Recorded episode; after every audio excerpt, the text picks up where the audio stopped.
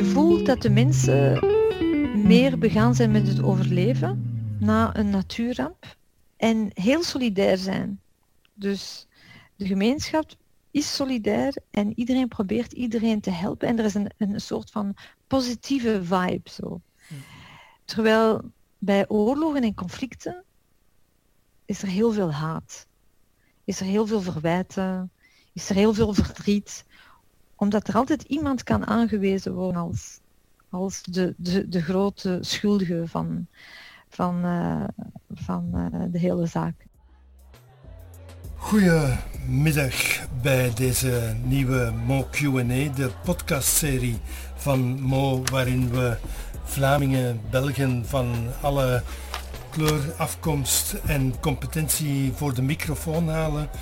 Meestal in de Brus studio's in Brussel, maar coronagewijs moeten we dat aanpassen en zoomen we op dit moment uh, om onze podcasts interviews te doen. Vandaag hebben we Souade Messoudi uh, op bezoek. Souade is wereldberoemd buiten Vlaanderen en weinig bekend in eigen land. Uh, dat heeft ongetwijfeld te maken met het feit dat Souade de afgelopen twee decennia ook veel meer in het buitenland verbleven heeft dan in eigen land. Ze was drie jaar journaliste bij Wereldwijd, een van de voorgangers van Mo. En daarna heeft ze een twaalfde jaar voor het Internationaal Comité van het Rode Kruis gewerkt. Uh, op plaatsen die meteen duidelijk maken wat haar traject is in Israël-Palestina, in Sudan, meer bepaald Darfur, Syrië, Irak, Libië, de Filipijnen, Libanon, uh, daarna ook nog actief geweest uh, rond Niger, Noord-Afrika, Palestina, Jordanië. Uh, een heel internationaal traject met heel veel nadruk op humanitair werk. En de aanleiding voor dit podcastgesprek, Swade, is dubbel eigenlijk. We hebben vorige week die vergruwelijke aanslag gezien op een materniteit in Kabul. En op dit moment, terwijl we praten gaat de supercycloon uh, Ampan aan land in de baai van Bengalen. Dus er zijn heel wat redenen om eens uh, te praten met iemand die weet wat humanitair werk is en waar de uitdagingen liggen. Maar misschien eerst even uh, heel kort. Je bent wel terug in, in België op dit moment. is dat voor iemand met een achtergrond in humanitair werk dan gewoon een saaie bedoeling, uh, een land waar niks gebeurt en alles al goed geregeld is? Of liggen hier toch ook nog grote uitdagingen? Nee, uh, bedankt voor de intro, Guy. um, ik denk dat er in België ook heel veel, heel veel dingen te doen zijn. Er, zijn. er is enorm veel armoede, zie ik rond mij. Er zijn heel veel noden. Er zijn heel veel... Um, mensen die op straat leven. Er zijn heel veel mensen uh, die vluchten voor uh, oorlog of uh, om economische redenen. Dus ik denk dat de noden zeer hoog zijn. Je voelt dat ook een beetje de binnenlandse politieke situatie hier in België. En ik denk dus dat er enorm veel te doen is inderdaad. Dus ik denk dat ik mij hier ook nog nuttig kan maken. Dat is heel goed. Ehm, intussen, of laten we misschien toch, toch even teruggaan naar de aanleiding van het, uh, van het gesprek, uh, de reden waarom ik je vorige week contacteerde, dat was vlak na mhm. die aanslag op de materniteit in, in Kabul, uh, waar ja. nog eens op een heel extreme manier duidelijk werd dat oorlog geen respect heeft voor leven. Dat, dat zelfs moeders die liggen te bevallen en pasgeboren baby's doelwitten worden in, uh, in een conflict, in een, in een oorlog die in Afghanistan nu al meer dan 40 jaar aansleept. Maar hoe reageert iemand met een achtergrond in, in humanitair werk die het, ja, het conflict van heel dichtbij gezien heeft? Hoe reageer jij als je zo'n nieuwsbericht binnenkrijgt? Wel, uh, dat blijft, uh, dat is heel dat, dat brengt enorm veel reacties op. Uh, vroeger waren dat echt fysieke reacties ook. Hè. Ik werd daar echt uh, ziek van, uh, van de stress ook. Hè? Als, je, als je op het terrein bent en, en, en uh, je staat onder druk, dan, ehm, dan heeft de stress een enorme impact op je, op je lichamelijke, maar ook op je geestelijke gezondheid. Dus je wordt ook ongerust. Je bent ongerust niet alleen voor jezelf, maar vooral voor je collega's, maar ook voor de mensen die je kent als je op het terrein bent en je, en, je gaat dus uh, mensen en hun situatie. Uh, je ziet hun situatie, je ziet hoe ze leven, welke moeilijkheden er zijn. Je voelt je ook schuldig eigenlijk. Er zijn verschillende soorten gevoelens die hierbij opkomen, maar nu met de afstand... In welke zin voel je je schuldig? Je voelt je schuldig omdat je realiseert dat je eigenlijk um, een van de weinige gelukkige bent in deze wereld die uh, een redelijk gemakkelijk leven leidt. Hè? Want zelfs als humanitaire werker ben je geprivilegeerd en uh, ben je beschermd. Dus heb je, ben je niet uh, een gemakkelijk prooi voor, voor geweld. je bent een, een groter prooi dan de alledaagse mens, maar toch ben je nog bevoorrecht. Uh, dus ja, dat is, dat is, dat is een, heel, een heel moeilijke confrontatie met jezelf ook. Um, ik heb daar nu meer afstand van natuurlijk, dus, uh, maar ik voel dat nog altijd uh, terug opkomen. Zo. Die, uh, je voelt ook uh, schuldig of, of je voelt je ongerust voor je collega's. Je hebt bijvoorbeeld collega's die meer op het terrein zijn dan jou. En als je bijvoorbeeld verantwoordelijk bent voor de, voor de security, voor de veiligheid of vast, dan vraag je je onmiddellijk af, wat had ik beter kunnen doen?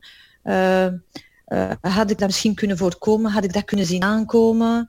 Want je kan je voorstellen, je hebt collega's die in die ziekenhuizen werken, hè, zoals MSF-collega's. Uh, wij doen bijvoorbeeld uh, op het terrein aan monitoring en uh, environment scanning. Dus dat is een hele grote verantwoordelijkheid bij het team, bij het managementteam, om, om, om, om die trends of, of te proberen te voorspellen wat dat er kan gebeuren eventueel. Wat, wat kan een risico zijn, niet alleen voor de teams, maar ook voor de mensen die we proberen te beschermen. Ja. En als dan zoiets iets gebeurt, dat is dan zo afschuwelijk uh, uh, gewelddadig. Dan ook nog eens uh, een ziekenhuis, dat is een, dat is een beschermd gebouw. Dat is, iets, dat is iets dat beschermd moet worden onder het internationale recht. Dat is iets dat gerespecteerd moet worden. En je ziet meer en meer overal ter wereld dat dat niet het geval is. En dus organisaties zoals het Internationale Rode Kruis en ook MSF hebben allerlei uh, campagnes, hè, promotiecampagnes op, uh, op touw gezet, zoals uh, Not a Target, de hashtag Not a Target, of Healthcare in Danger campaigns. En je vraagt je af, zijn die wel echt effectief? wat maakt dat de mens, wat drijft de mens om zoiets afschuwelijks te doen om de meest kwetsbare personen in een ziekenhuis, mensen die helpen, vrouwen en kinderen, in godsnaam baby's aan te vallen. En, en, hoe kun je daarmee leven daarna? En dan stelt zich ook, allez, ik heb me heel vaak de, de vraag gesteld, wat drijft een man tot dit bar, barbaarspunt? En ik, ik heb daar heel veel over nagedacht. Ik heb in Libanon, uh, toen de migratiecrisis echt op gang kwam, uh, heel veel nagedacht ook over de kwetsbaarheid van mannen. Want we spreken altijd over de kwetsbaarheid van vrouwen en kinderen. Dat is dat, dat blijft een kwetsbare uh, groep, dat is zeker zo. Maar nu in de wereld met gans het, het debat en heel uh, het debat rond terrorisme bijvoorbeeld. Mannen zijn ook heel kwetsbaar, vind ik. Uh, soms in, en vooral in... Kwetsbaar voor ideologie bedoel je dan? Voor... Ja, voor ideologie, voor uh, racisme, voor discriminatie. Van de mannen wordt heel veel gevraagd in, uh, in, in, in uh, regio's zoals Afghanistan en het Midden-Oosten, maar ook in Sudan. Zij zijn het hoofd van een gezin. Van hen werd, wordt gevraagd om verantwoordelijk te zijn. Hun, hun waardigheid hè, wordt helemaal afgebroken. Dignity. Hè. We spreken altijd over dignity, the importance of dignity. Um, en je voelt dat die druk heel hoog ligt. Dus zij zijn slachtoffer van, van die hoge druk op hun, uh, uh, dat op hen ligt in, in die landen. En daarna, als zij vluchten van oorlog, zij zijn vaak de eerste die opgeroepen worden om de wapens op te nemen, om hun, uh, om hun uh, gezin te beschermen, om hun uh, gemeenschap te, uh, te beschermen. Zij zijn ook vaak degene, de, de, de, de, eerste op wie geschoten wordt, degene, de eerste die ehm, gevangen genomen worden. Daarna, als ze vluchten voor die realiteit, dan zijn het ook de mensen die heel vaak um, vernederd worden als, als refugees zijn, als ze vluchtelingen zijn in andere landen als ze dan in Europa terechtkomen of in de westerse wereld of in Amerika of waar dan ook, dan worden ze aangeduid als terroristen. Dat is een heel parcours dat heel, heel intens en heel gewelddadig is. En dan vraag je je af, wat doet dat eigenlijk met mensen? En ook het hele discours in de media, maar ook in de entertainmentindustrie. Al die films over terrorisme en zo en die stigmatiseringen en zo. Wat doet dat een mens? Dat heeft echt impact. Als mannen ook slachtoffers zijn in, in die hele cyclus van geweld en vernedering. Uh, wat is dan de rol van vrouwen in het uh, eindigen van die cyclus? Kunnen vrouwen die cyclus doorbreken, denk je? Wel, ik denk dat vrouwen um, een heel belangrijke rol hebben ook in, in de familie, in het gezin, in de samenleving, in die zin dat zij uh, kinderen baren en kinderen opvoeden. Dus ze hebben een heel grote... Hun, hun, uh, hun opvoeding is cruciaal eigenlijk. Uh, de tradities, de, uh, de, cultuur die zij meegeven aan hun kinderen, de opvoeding die zij geven, maakt uh, ook dat er bepaalde verwachtingen ge, ge, ge, gesteld worden op uh, jonge mannen, hè? op uh, jongens. En um, dus daar kan werk van gemaakt worden dat dat, dat, dat een beetje anders wordt. Dat, dat dat op termijn verandert, dat die vrouw geëmancipeerd geraken en dat die beginnen in te zien dat de situatie voor mannen heel zwaar is. Dat er ook meer ruimte wordt gegeven aan vrouwen om, om uh, zelf ook uh, onafhankelijk te zijn en meer, meer betrokken te geraken in de samenleving op politiek vlak, op, op, sociaal vlak en in Afghanistan is daar nog echt heel veel werk aan. Er zijn ook ja, heel veel vrouwen die er alleen voor staan.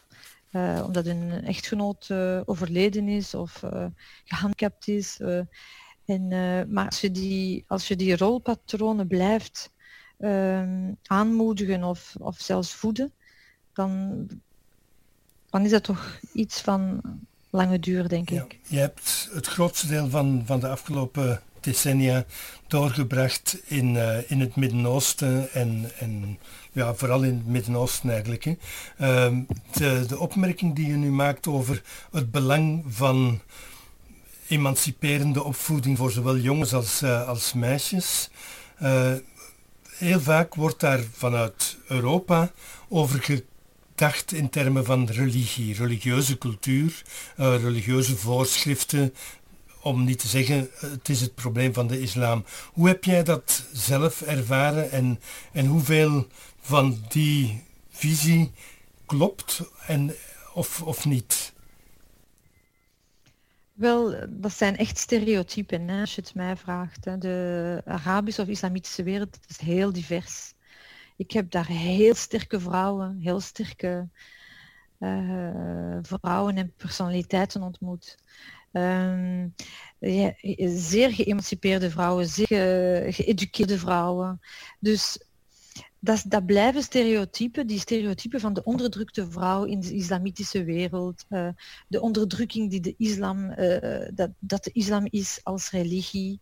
Um, dat, is, dat klopt eigenlijk helemaal niet, want er is niet zoiets als één islam. Er is, uh, de islam is, is, er is, een, is, is ook een soort van cultuur. Hè?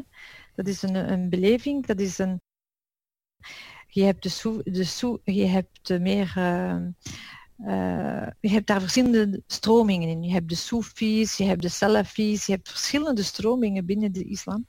Uh, en verschillende belevenissen. Dus mee, er zijn andere mensen die daar meer mee bezig zijn. Het is meer een, een, een, eh, een manier van leven, de islam, vind ik heel vaak. Een, een, groot deel van de, van de moslims beheerst de Arabische taal bijvoorbeeld niet en, en, en weet niet altijd heel goed wat er in de Koran staat.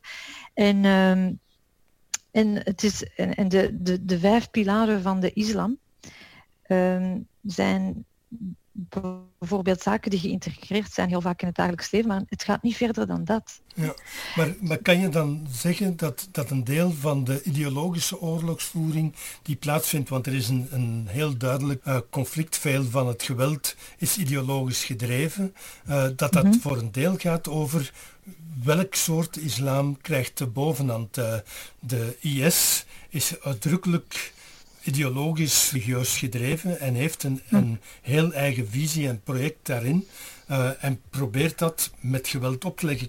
Is, is dat een correcte lezing dan van het conflict of van veel van het geweld dat we zien in het Midden-Oosten?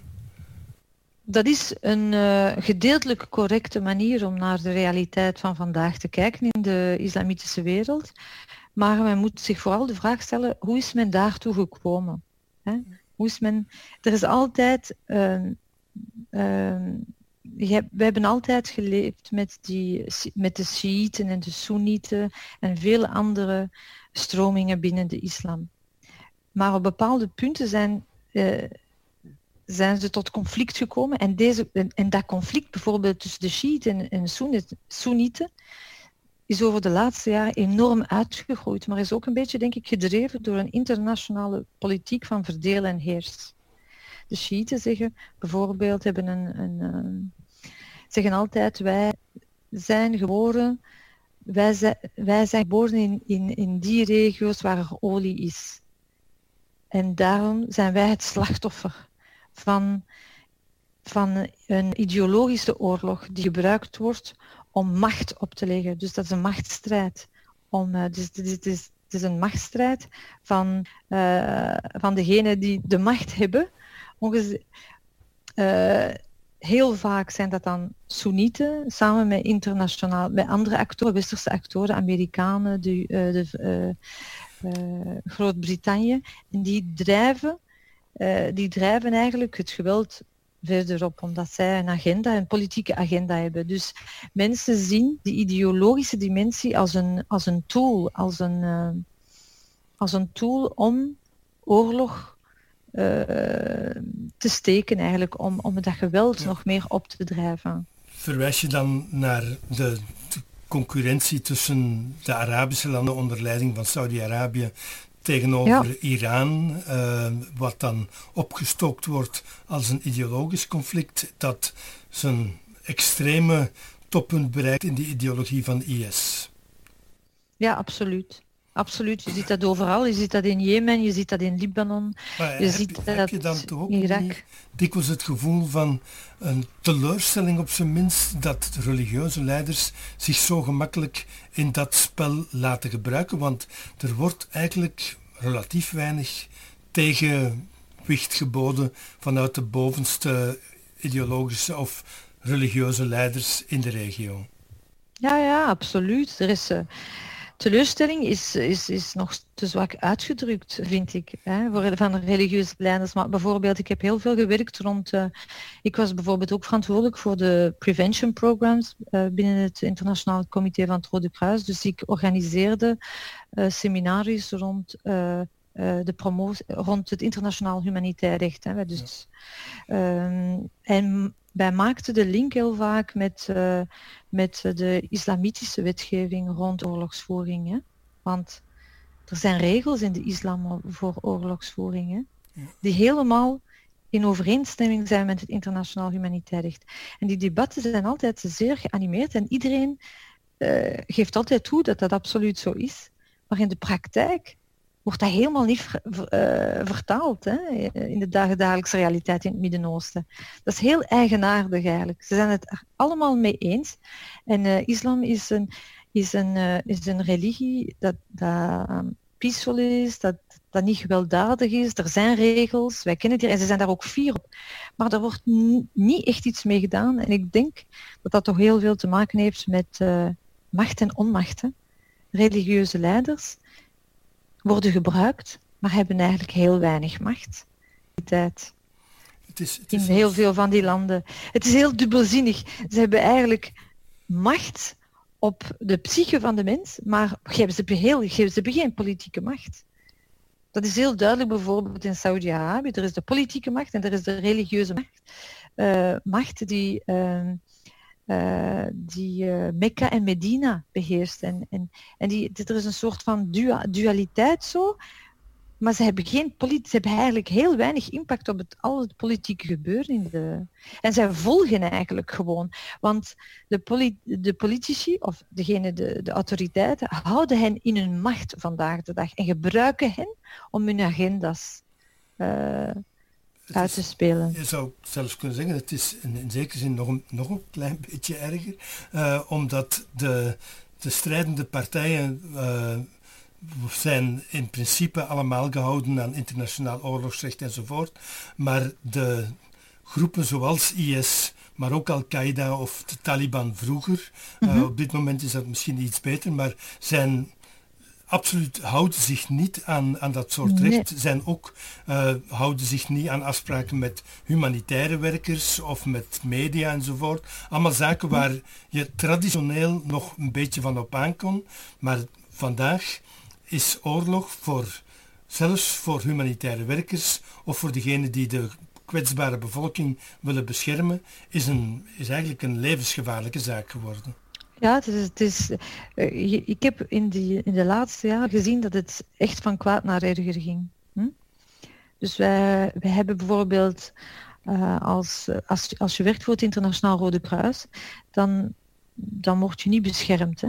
Uh, dus je, je, wordt uitgestuurd zonder enige bescherming. Dus uw grote mond is uw enige bescherming, hè, met andere woorden. Je moet het echt goed kunnen uitleggen en je moet heel veel interculturele vaardigheid hebben. En, en heel vaak heb ik gezien dat er mensen echt in een, zich in een heel lastig parket hebben gewerkt omdat ze niet goed de context begrijpen of dat ze niet goed, niet goed hun boodschappen kunnen overbrengen. Dus je kunt echt, het is echt een kwestie van leven of, dood de laatste tijd heel vaak. En uh, ik, heb, ik heb dat gezien in Libië heel hard, waar we, wat we enkele keren zwaar uh, uh, aangevallen zijn geweest en zelfs gebombardeerd zijn geweest. Ik heb dat ook gezien in, uh, ik heb dat heel hard gevoeld in Irak. Um, um, en, en dat, zijn, dat zijn zaken die u echt doen nadenken over wat maakt, wat maakt dat, dat, dat mensen zo ver komen dat ze eh, weerloze mensen gaan aanvallen.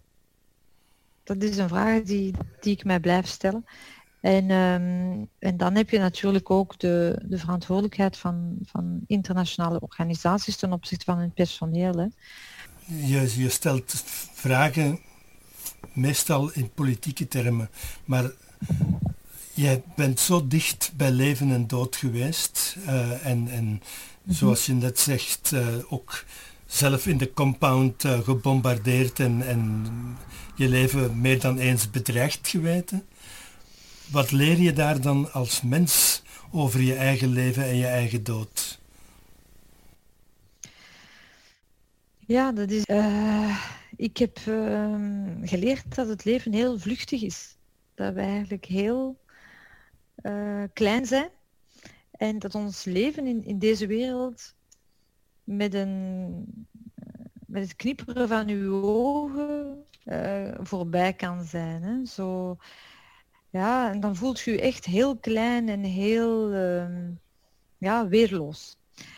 dus ik heb, ik heb wel vroeger uh, was ik wel iemand die niet, die niet, niet heel snel bang was. Ik leefde niet met angst. Ik, ik was ervan overtuigd dat je kan morgen sterven hier in, uh, in Vlaanderen door een auto-ongeluk. Uw lot is eigenlijk al een beetje vastgelegd. Hè? Dus uh, de dood kan overal toeslaan, of dat, dan, of dat ik nu in België ben of in, of in Sudan, in Darfur. Maar bijvoorbeeld, ik ga dan nooit vergeten, mijn eerste fieldtrip in Sudan, in Darfur, was in Noord-Darfur van El Fasher naar Fangasouk, naar de Jebel Marra, waar dat de, Four leven.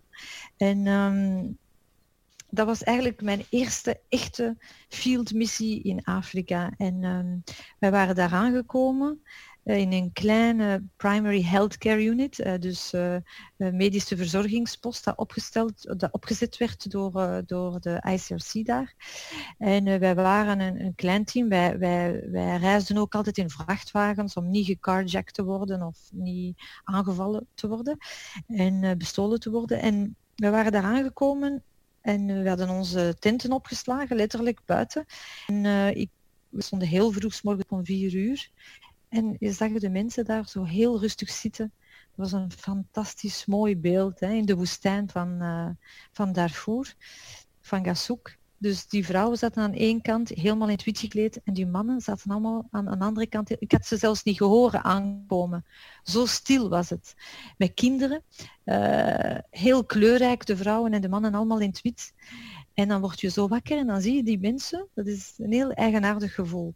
En we beginnen dan snel uh, ons kamp op te zetten en, en uh, de medische post open te doen, om de zodat de verpleegster de consultatie kan beginnen en zo.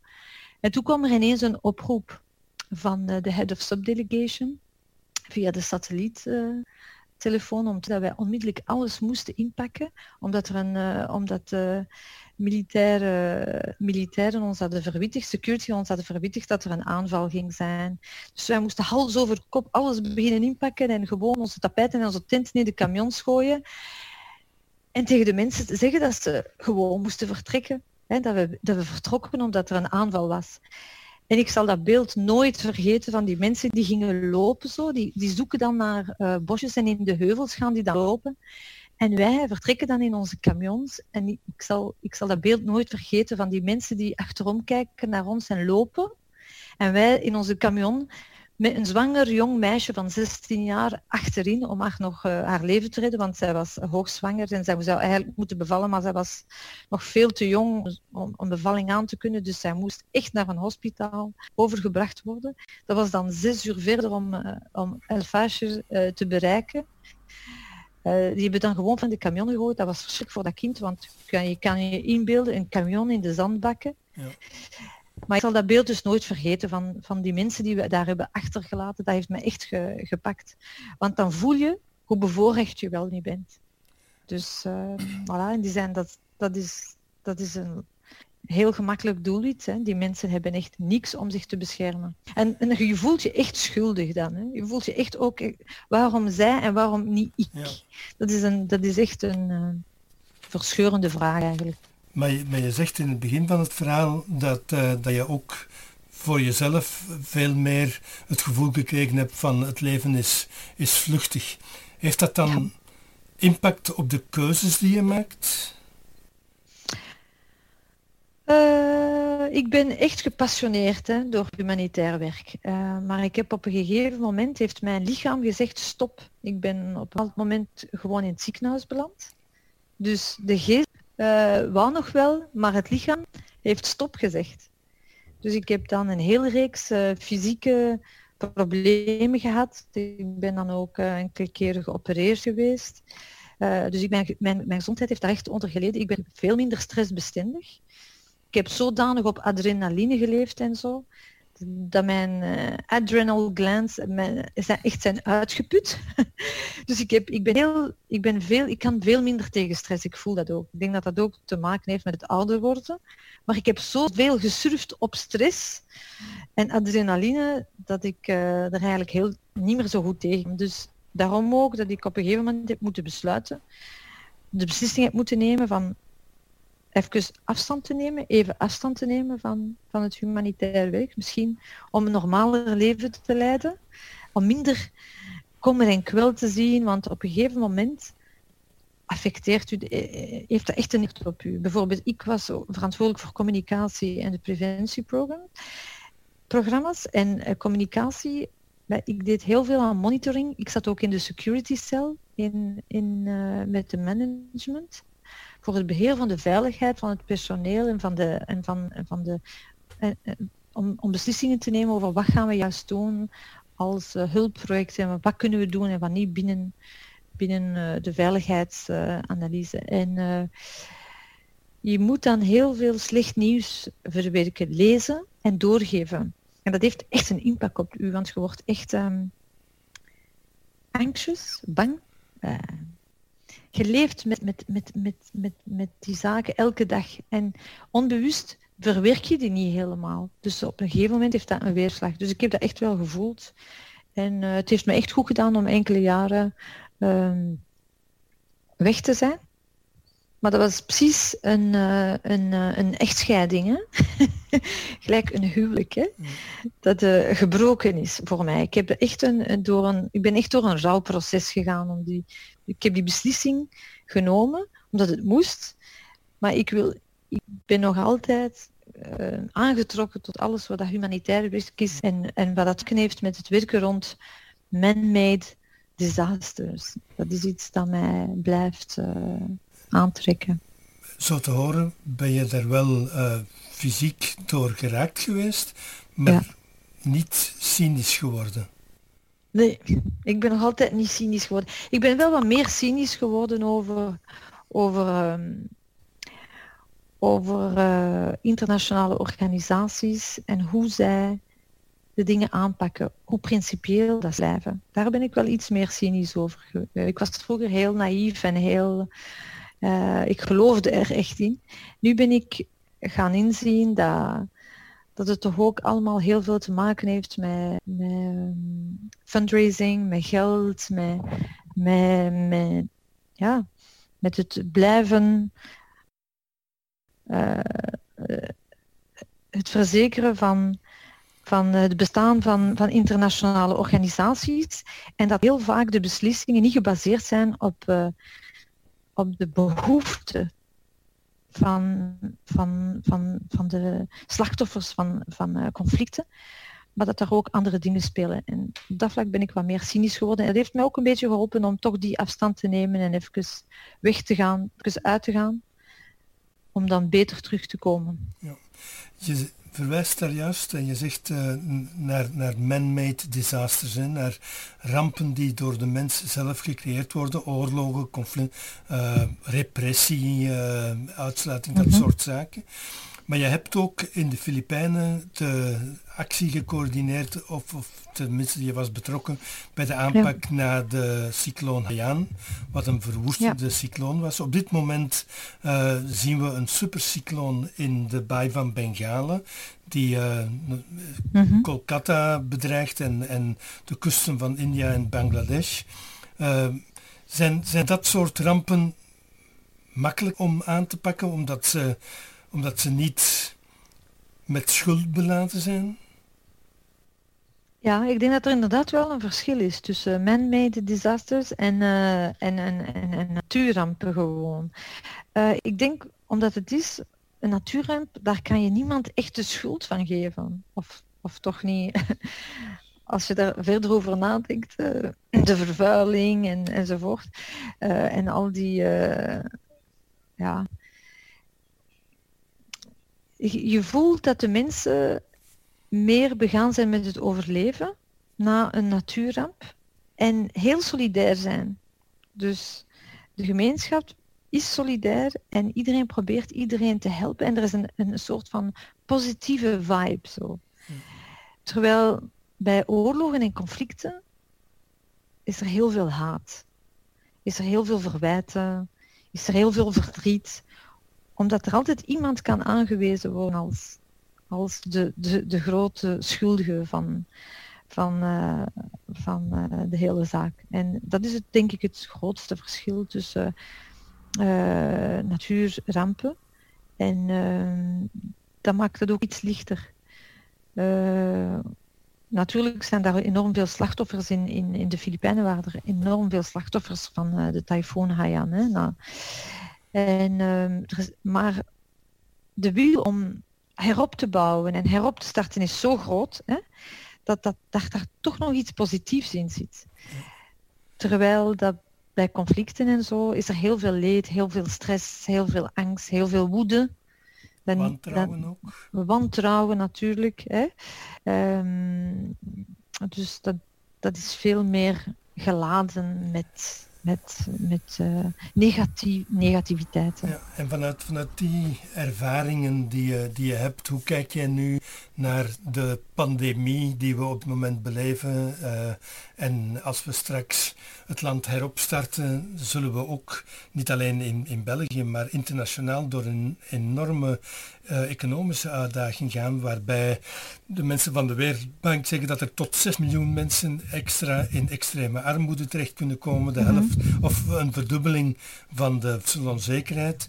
Uh, gaan we dit, denk jij, beleven als een natuurramp waar dat we elkaar blijven? Of uh, wordt dit een soort internationale concurrentiestrijd om het laken naar zich toe te trekken? Hoe, hoe verwacht jij de toekomst voor de volgende maanden? Uh, ja, ik, ik moet zeggen, ik ben eigenlijk positief verrast van de solidariteit die ik heb gezien hier in België toch. Hè? Uh, in de samenleving, de positieve acties, de voedselbedelingen, de hele snelle opzet en het heel snelle werk van MSF en verschillende organisaties, vluchtelingenwerk, Caritas uh, en, en, en het, de samenwerking ook, ook uh, van de politici, want het is geen gemakkelijke crisis. Hè? Het is een crisis die niemand begrijpt, die je leert terwijl je aan het werk bent. Het is echt niet gemakkelijk. Ik denk dat heel vaak, dat, dat heel vaak onderschat wordt. Hè. Dus ik ben echt onder de indruk van, van de aanpak in België eigenlijk. Um, ik vind dat ze het best goed hebben gedaan, maar ik, vind, ik hoop dat we lessen gaan trekken uit, uit deze crisis en dat we niet teruggaan naar hoe het was voor de COVID-19 en dat we meer gaan nadenken over uh, um, over de manier uh, waarop dat de samenleving georganiseerd is, over de economie, over uh, het neoliberalisme, over globalisering, hè, de mondmaskers die allemaal uit China komen en zo. Dat daar lessen uitgetrokken worden en dat we, dat we anders en beter uh, onze maatschappij gaan organiseren. Als je vanuit de huidige crisis, maar ook vanuit al je crisiswerk van de afgelopen twee decennia één belangrijke les voor jezelf of voor de luisteraars zou willen trekken, wat, wat is die belangrijkste levensles dan? Um, leren uit, uh, uit ervaringen. Leren uit uh, wat je meemaakt, daar iets, mee, daar iets positief mee, mee proberen te doen. En altijd positief, zoveel mogelijk positief blijven en te proberen u, en ook proberen uw bijdrage te leveren aan, aan, uh, te leveren aan de samenleving. Dat dat heel belangrijk is. En als jij geleerd hebt uit ervaring, wat heb je dan geleerd vooral? Over rampen of over conflicten? Over, over de mens. Over de mens. Dat de mens eigenlijk een heel weerbaar en sterke persoon is. Hè? Dat wij um, um, heel verschillend zijn, maar ook heel veel van hetzelfde. Dat, die, dat uh, wat, ons, uh, uh, wat ons samenbrengt ehm, belangrijker is dan de verschillen tussen de verschillende culturen en de verschillende etniciteiten enzovoort. Dus ja, dat de mens centraal staat in ons geluk eigenlijk. Wij hangen af in ons dagelijks leven van het contact met de andere mensen. En dat is enorm belangrijk om in onze contacten met de anderen altijd het beste van jezelf naar boven te kunnen laten komen. Ik denk dat... Positief te zijn. De, de, vaststelling dat we afhankelijk zijn van contact met elkaar zal zeker heel uh, sterk resoneren bij veel mensen op dit moment waarin we al twee maanden oefenen in sociale afstand of fysieke afstand in elk geval. En heel veel mensen verlangen naar de terugkeer van ja, menselijk contact. Suad Messoudi, heel erg bedankt voor, uh, voor dit gesprek en heel veel uh, succes met je verdere werk in België en wie weet binnenkort opnieuw op internationaal vlak. Heel erg bedankt. Merci, dank u.